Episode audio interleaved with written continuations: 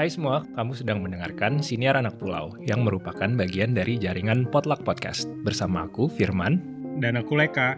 Setiap kami sore, kami akan membahas topik-topik tentang kehidupan jauh dari rumah yang bisa kamu dengarkan lewat Anchor, Spotify, Apple Podcast, Google Podcast, dan platform podcasting terkemuka lainnya. Untuk tahu informasi lebih lanjut tentang Siniar Anak Pulau, kamu bisa follow kita di Instagram at Siniar Anak Pulau dan at Potluck Podcast, P-O-D-L-U-C-K. Hai Vi, Halo Leka, minggu ini kita bakal ngobrolin apa nih? aku mau bahas topik tentang dunia kerja karena kalau aku lihat dari episode-episode kita di musim sebelumnya, eh, beberapa episode yang jumlah pendengarnya lumayan banyak adalah episode tentang dunia kerja. Misalnya, kita tuh pernah bikin episode tentang tanda-tanda harus resign, Ya, terus tentang kerja di luar Jakarta, hmm. Terus kita juga pernah bikin episode tentang perjalanan bisnis. Itu Iya. semua kan tentang dunia kerja ya. Gitu. Iya, betul. Jadi kali ini kita mau angkat satu sudut pandang lagi tentang dunia kerja. Topik kali ini tentang bekerja di eh, perusahaan luar. Hmm, yes. Sebetulnya kita udah sedikit-sedikit berbagi ya di episode-episode itu. Cuma kita nggak pernah benar-benar membahas tentang sisi kultural, kultur perusahaan itu ya. Betul. Hmm. Nah, karena kita udah pernah ngobrolin ini sedikit-sedikit berdua, kayaknya sekarang kita ajak temen lain kali ya. Oke, siapa itu? Oke, ini mutual friend kita, Indah Permatasari atau eh, biasa kita panggil Indah, seorang content manager yang sekarang sih bekerja di perusahaan domestik ya. Tapi sebelumnya dia pernah bekerja di Riff Digital Agency dan Booking.com yang sama-sama dari Belanda. Hmm, wow, oke. Udah malam melintang ya? Halo, Iya. Indah.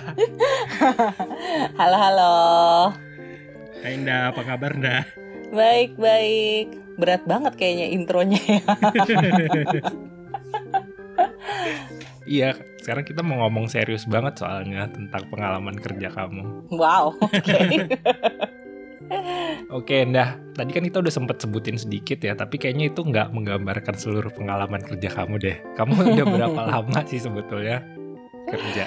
Eh, aku mungkin udah hampir 16 tahun kali ya bekerja. Hmm. Hmm. Jadi dulu mulai dari em, industrinya tuh eh, media Hmm. kayak grafis, terus penyiaran, terus udah gitu eh, hospitality, sampai sekarang hospitality juga gitu. Oke, itu selalu di perusahaan, maksudnya dalam negeri, luar negeri, gimana Nda? Em, awalnya sih di perusahaan lokal, terus Hmm. kayak gitu beberapa kali juga pernah di perusahaan luar negeri. Jadi pernah eh, di perusahaan yang udah lumayan established, pernah Hmm. di startup juga, dan Hmm. dua-duanya yang lokal dan internasional juga pernah startup juga gitu. Jadi lumayan macem-macem gitu. Oke, Ah, kalau dari ukuran perusahaannya dah eh, Hmm. jumlah karyawan, kira-kira range-nya dari berapa karyawan sampai berapa karyawan yang pernah kamu kerja? Em, pernah eh, dari mulai cuma tujuh orang Hmm? sampai mungkin sekitar lima ribuan orang kali ya perusahaannya. Wow, Oke. Dari perusahaan kayak eh, yang punya keluarga sampai ke yang lumayan establishing kayak tadi aku bilang gitu. Hmm. Oke. Nah, eh, kita kembali ke tadi ya, asal perusahaannya ya, ada Hmm. yang eh, domestik dan juga dari luar gitu. Hipotesa awalnya nih kita nih, kira-kira ngaruh nggak sih gitu eh, secara culture negara asal sama work ethic, bahasa, cara komunikasi dan lain-lainnya di perusahaan itu gitu. Pengalaman kamu kayak gimana dah? Kalau menurut aku emang ada bedanya sih ya. Mungkin dilihat dari negara yang lebih duluan maju dibanding kita mungkin ya. Um, Hmm. Bukan cuma dari segi oh negara ini negara itu cuman kalau yang aku lihat sih uh, ini juga aku lihat dari pengalaman uh, teman-teman dan saudara-saudara aku juga yang di perusahaan internasional rata-rata kita punya pengalaman yang sama gitu so it's not about oh kalau yang uh, dari negara ini biasanya gini, negara itu biasanya kayak gini gitu. Kalau menurut aku emang ada perbedaannya, tapi rata-rata perbedaannya tuh sama gitu. Uh, karena mereka jauh lebih maju dibanding kita duluan aja gitu. Jadi mereka punya lebih banyak resources, mereka punya lebih banyak pengalaman. Jadi cara mereka menurunkannya ke dunia kerja tuh berbeda dengan uh, di negara kita yang semuanya tuh rata-rata lebih banyak otodidak gitu. Mereka ngelihat uh, pasarnya seperti apa, ya udah gitu. Mereka langsung ngerasainnya sendiri dan dan bikin hipotesa sendiri, eksperimen sendiri gitu dibandingin sama mereka mungkin yang udah berapa turunan sebelumnya tuh udah established gitu. Jadi dari mulai dari uh, mereka belajar di uh, kuliahnya lah mungkin atau di di kerja sebelumnya. Jadi mereka yeah. udah punya banyak pengalaman gitu. Hmm. Oke, okay, jadi memang ada bedanya ya. Tapi ya make sense sih. Maksudnya aku juga uh, sempat kerja di perusahaan sebelumnya itu jangankan beda negara asal sama Indonesia ya beda kota hmm. aja tuh beda banget gitu pasti ada ada ada perbedaan gitu antara benar uh, benar work ethicsnya cara komunikasinya gitu cara approach timnya itu pasti ada perbedaan gitu hmm, hmm. Hmm, kalau gitu dah yang paling berasa perbedaannya apa menurut kamu kalau menurut aku sih mungkin kultur kerja hmm. sama mungkin organisasinya sendiri juga kali ya. Hmm. Kalau yang aku lihat uh, dari pengalaman aku sendiri sih, itu kalau misalnya uh, perusahaan internasional tuh mereka jauh lebih organized, lebih rapi, hmm. lebih uh, terstruktur juga gitu, mulai dari um, company sendiri sampai cara mereka hiring, cara mereka um, educate karyawannya gitu dibandingin dengan yang perusahaan-perusahaan lokal. Tapi menurut aku itu juga ada hubungannya dengan um, culture juga gitu. Kalau misalnya perusahaan-perusahaan lokal yang uh, dari pengalaman aku gitu ya, mungkin mereka agak sedikit lebih santai uh, di hal-hal tertentu gitu misalnya dari segi administrasi atau apa gitu karena memang ya di sini gitu their their headquarters gitu their their ground ada di sini gitu sedangkan kalau dari luar negeri they have too much at stake kalau menurut aku gitu. Jadi mereka berusaha untuk um, establish sesuatu di negara lain tuh dengan sebaik-baiknya dan dengan sebenar-benarnya gitu. Jadi jangan sampai ada langkah yang salah karena kalau misalnya mereka salah, uh, risknya tuh jauh lebih besar dibandingin hmm. perusahaan lokal gitu. Mulai dari investasi mereka sampai uh, mungkin uh, status legalitasnya apa segala macam gitu. Kalau perusahaan lokal kan jauh lebih gampang gitu untuk establish perusahaan gitu. Dan uh, contohnya waktu itu sempet salah satu kolega aku tuh sempat ngomong kayak wah gila uh, apa namanya gue semalaman sampai sekarang masih belum ngerti juga nih big data gitu. Gue masih baca ini segala macam apa segala macam gitu. Sedangkan di perusahaan aku sebelumnya yang memang udah international company big data tuh udah udah sesuatu yang common yang udah diaplikasikan gitu. Dan it's it's it's rather a common sense buat mereka gitu. Tapi kan memang uh, konteksnya di sini di Indonesia mungkin ya itu belum belum 100% bisa diaplikasikan atau maksudnya kayak baru banget gitu. Jadi uh, kalau mungkin dari yang internasional mereka udah one or two steps ahead karena mereka mau mengantisipasi itu gitu. Kalau misalnya ada problem atau apa pokoknya kita harus bikin yang uh, sebagus-bagusnya se, se selurus-lurusnya lah gitu di negara orang. Oke, uh, salah satu perbedaan lainnya kalau dari pengalamanku yang aku rasain tuh di komunikasi ya. Kalau misalnya hmm. kita uh, di luar kan, yang pertama manggilnya aja tuh pakai nama aja gitu ya. Iya, Sementara yeah, yeah. kalau di perusahaan uh, lokal itu bapak, ibu, mbak, mas gitu. Ngerasain gak sih kayak gitu? Atau ketara oh, gak sih? aku ngerasain banget sih sebenarnya. Manajer aku tuh manggil aku mbak, sedangkan dia jauh lebih tua dibanding aku dan aku manggilnya bu gitu. Um, itu sesuatu yang aku harus adapt juga gitu. Waktu itu aku sempat ngobrol sama teman aku dan dia bilang kayak, aduh gue nggak bisa bayangin deh uh, apa namanya kerja di perusahaan yang gue harus kayak worry about manggil orang tuh bu, pak, kak atau gimana gitu. Tapi menurut aku sih uh, apa ya I I welcome the challenge gitu. Karena maksudnya kayak dari aku juga pengen tahu kalau misalnya di perusahaan lokal tuh kayak gimana sih culture-nya hmm. gitu mbak.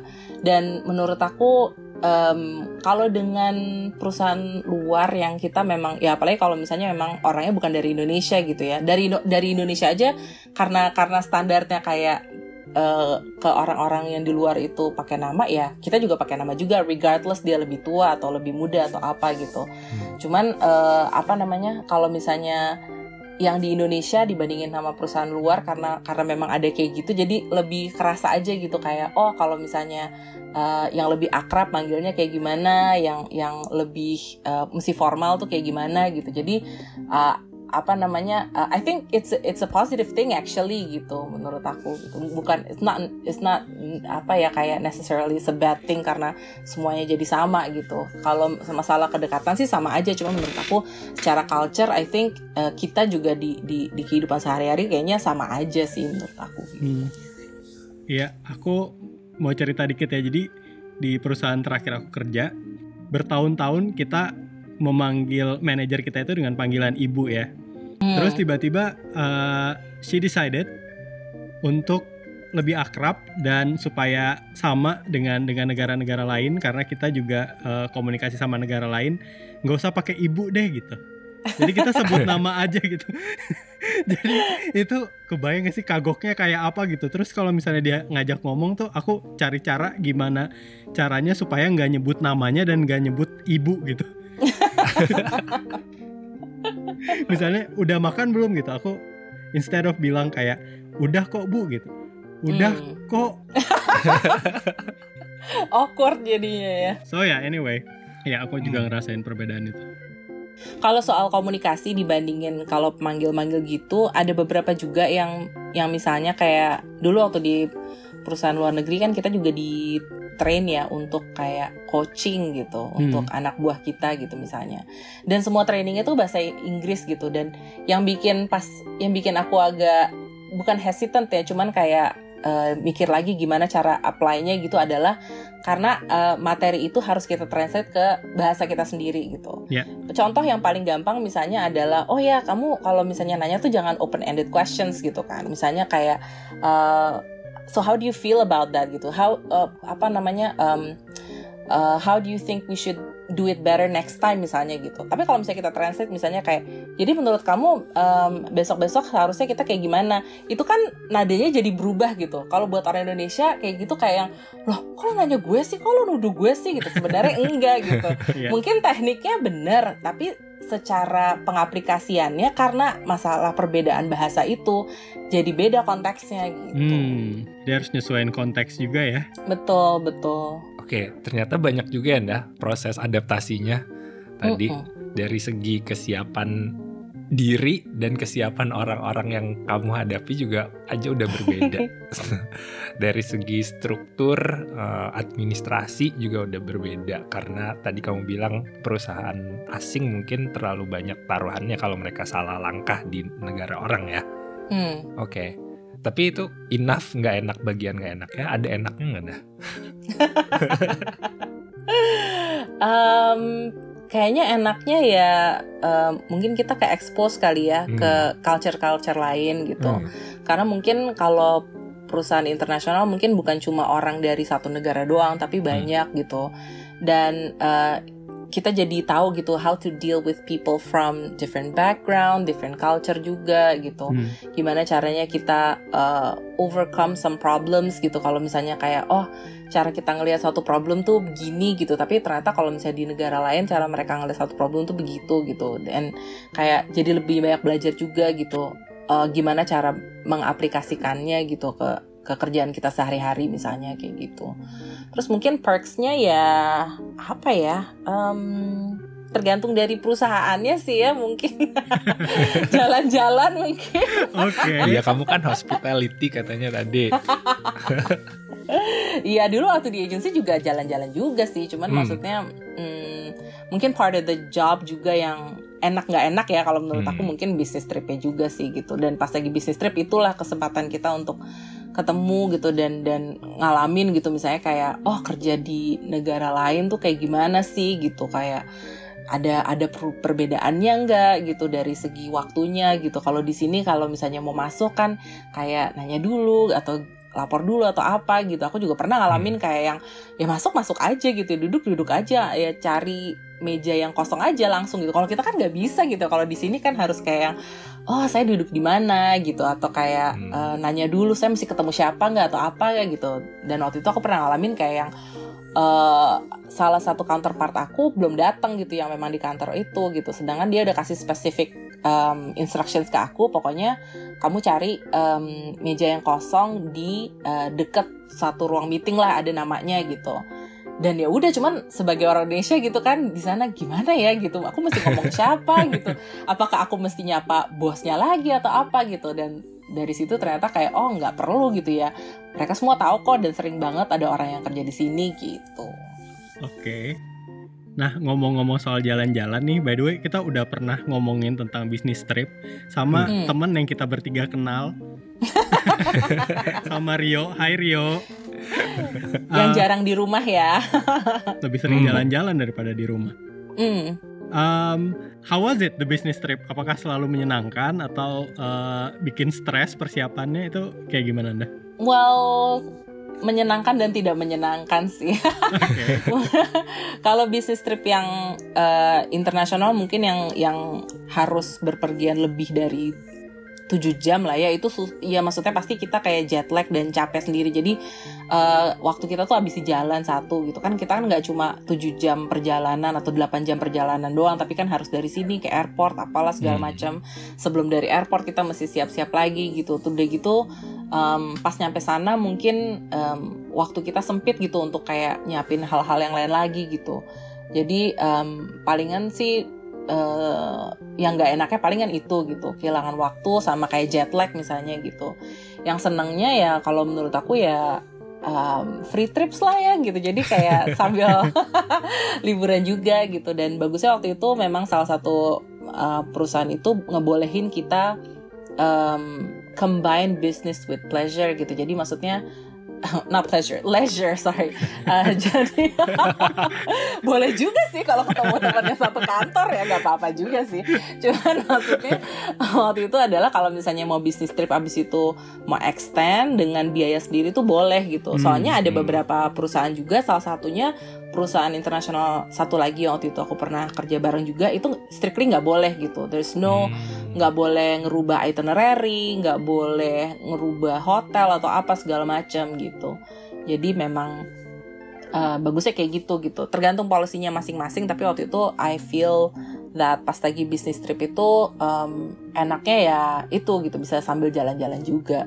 Oke, okay. so tadi kurang lebih uh, kamu udah share tentang perusahaannya dan budaya dan macam-macam dah.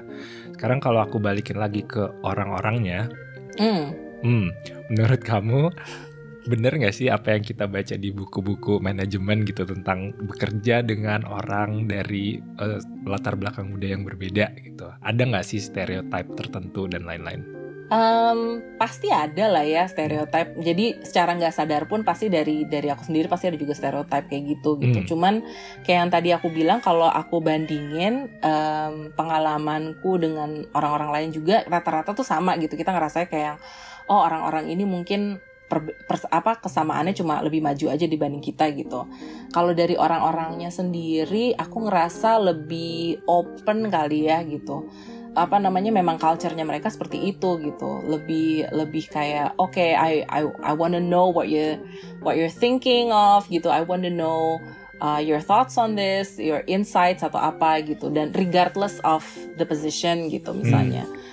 um, kalau dari yang lainnya lagi mungkin kita ngelihatnya kayak oh mereka tuh lebih kayak tadi aku bilang gitu lebih terstruktur lebih um, lebih pinter atau apa ya mungkin mereka lebih punya pengalaman aja dibanding kita kalau menurut aku mungkin perusahaan lokal di sini banyak yang bagus-bagus tapi rata-rata pasti otodidak gitu loh dalam yeah. artian ya mungkin um, ya mereka ngelihat um, ada chance untuk berbisnis di sini dan bisnisnya jadi besar itu pasti mereka belajar sendiri trial and error gitu. Gimana cara manage orang gimana cara uh, rekrut gimana cara ngembangin bisnis gitu. Kalau misalnya dari luar negeri mungkin karena banyak contohnya terus mereka juga karena udah dari berapa tahun yang lalu udah banyak yang sukses jadi mereka bisa pelajarin juga pas kuliah dengan contoh yang real hmm. gitu dibandingin sama yang ada di negara kita sendiri gitu jadi mungkin perbedaannya di situ sih gitu. Hmm, Oke okay. terus uh, apa pengaruhnya ke perkembangan karir seseorang di dalam perusahaan asing kayak gini menurut kamu? Hmm, oh pertanyaan menarik. hmm. um, Kalau perusahaan asing sih menurut aku um, lumayan ini juga sih. I've I've seen a lot of people, including myself juga gitu di di posisi-posisi yang mungkin uh, apa namanya uh, tadinya banyak orang luar yang ngisi gitu ya. Tapi hmm. memang kalau aku lihat uh, di posisi yang sangat-sangat strategis mungkin masih masih dari orang luar. But once again kalau yang aku bilang mungkin uh, itu karena memang belum ada pengalaman gitu dari dari dari uh, eh, SDM kita sendiri gitu. I'm pretty sure um, kalau misalnya semua bisa dilakukan secara lokal gitu ya, mungkin bisnisnya juga lebih enak juga gitu karena kan mereka dealing dengan orang lokal juga. Jadi mungkin hmm um, yang mereka lakukan adalah setting the ground dulu gitu ya buat buat uh, orang lain atau orang lokalnya untuk melihat gitu. Ini loh uh, seperti ini kita pengen berbisnisnya seperti ini culture yang kita pengen um, establish di sini gitu. Nanti kalau hmm. misalnya udah oke okay, SDM-nya juga di training dengan bagus mereka udah ngelihat contohnya seperti apa gitu ya orang itu bisa balik lagi ke ke negaranya lagi dan um, posisinya diambil dengan orang lokal gitu. So I think uh, career wise nggak nggak terlalu beda sih gitu. Mungkin cuman ya it takes time aja untuk sampai ke posisi yang mungkin strategis menurutku. Hmm. Uh, mengarah ke jawaban yang terakhir ya sebenarnya. Ada disadvantage nggak dari orang Indonesia gitu yang yang negara berkembang gitu ya untuk uh, bersaing atau untuk uh, perform gitu di perusahaan asing? Kayaknya sih pengalaman aja sih menurutku hmm. gitu. Dan mungkin dari segi komunikasi juga mungkin lebih lebih gampang mereka berkomunikasi dengan dengan uh, orang-orang dari negaranya sendiri mungkin gitu untuk untuk purpose dari um, I don't know mungkin dari legality lah atau dari mungkin strategi atau apa gitu tapi um, menurut aku disadvantage buat orang lokalnya cuma itu sih cuma pengalaman aja gitu. Oke. Okay. Nah, hmm, dah mungkin pertanyaan terakhir kali ya dari pengamatan kamu uh, ada nggak sih yang dilakukan sama perusahaan-perusahaan asing ini atau mungkin uh, orang-orang uh, asing ini yang uh, dalam hal kompromi untuk menyesuaikan dengan budaya Indonesia kan tadi kan kita yang udah menyesuaikan dengan budaya perusahaan ya. Mm. Kalau sebaliknya gimana? Uh, menurut aku pastinya ada sih soal kompromi gitu. Um, apalagi ngelihat dari culture culture negara masing-masing gitu. Um, aku bisa lihat sih dari kerjaan juga misalnya gitu kayak uh, cara komunikasi sih itu udah paling utama ya cara mereka komprominya ke kita gitu. Mereka harus tahu juga gimana cara komunikasi sama kita gitu. Kayak yang tadi aku bilang um, kebanyakan kayak uh, task atau materi training atau apa itu uh, berbahasa Inggris gitu. Cuman hmm. um, apa namanya mereka komunikasi di dengan culture dan bahasa Indonesia tuh beda banget gitu. Dan um, dari dua perusahaan yang aku iniin yang yang internasional ini dua-duanya kayak willing gitu untuk untuk untuk tahu gimana caranya mereka bisa immerse ke culture kita gitu. Dengan cara misalnya kayak oh kalau misalnya di negara mereka gitu mereka punya kayak tradisi traktir minum gitu. Tapi di sini kan nggak semua orang minum misalnya gitu. Hmm, hmm. Oh kita ganti polisinya karena di seluruh dunia polisinya sama gitu, for drinks only gitu. Um, tapi ternyata kalau di Indonesia kan nggak mungkin gitu kan banyak orang yang nggak minum juga. Akhirnya mereka kayak yang oh iya ya udah kita makan makan gitu. Itu hal yang simple kayak gitu aja mereka harus compromise gitu kayak oh khusus buat Indonesia nih gitu. Kayak mereka nggak bisa nih kita kasih kayak perksnya untuk minum-minum kita bayarin gitu tapi lebih ke makan-makan misalnya hmm. gitu. Sama pastinya yang paling berasa komprominya tanggal merah ya.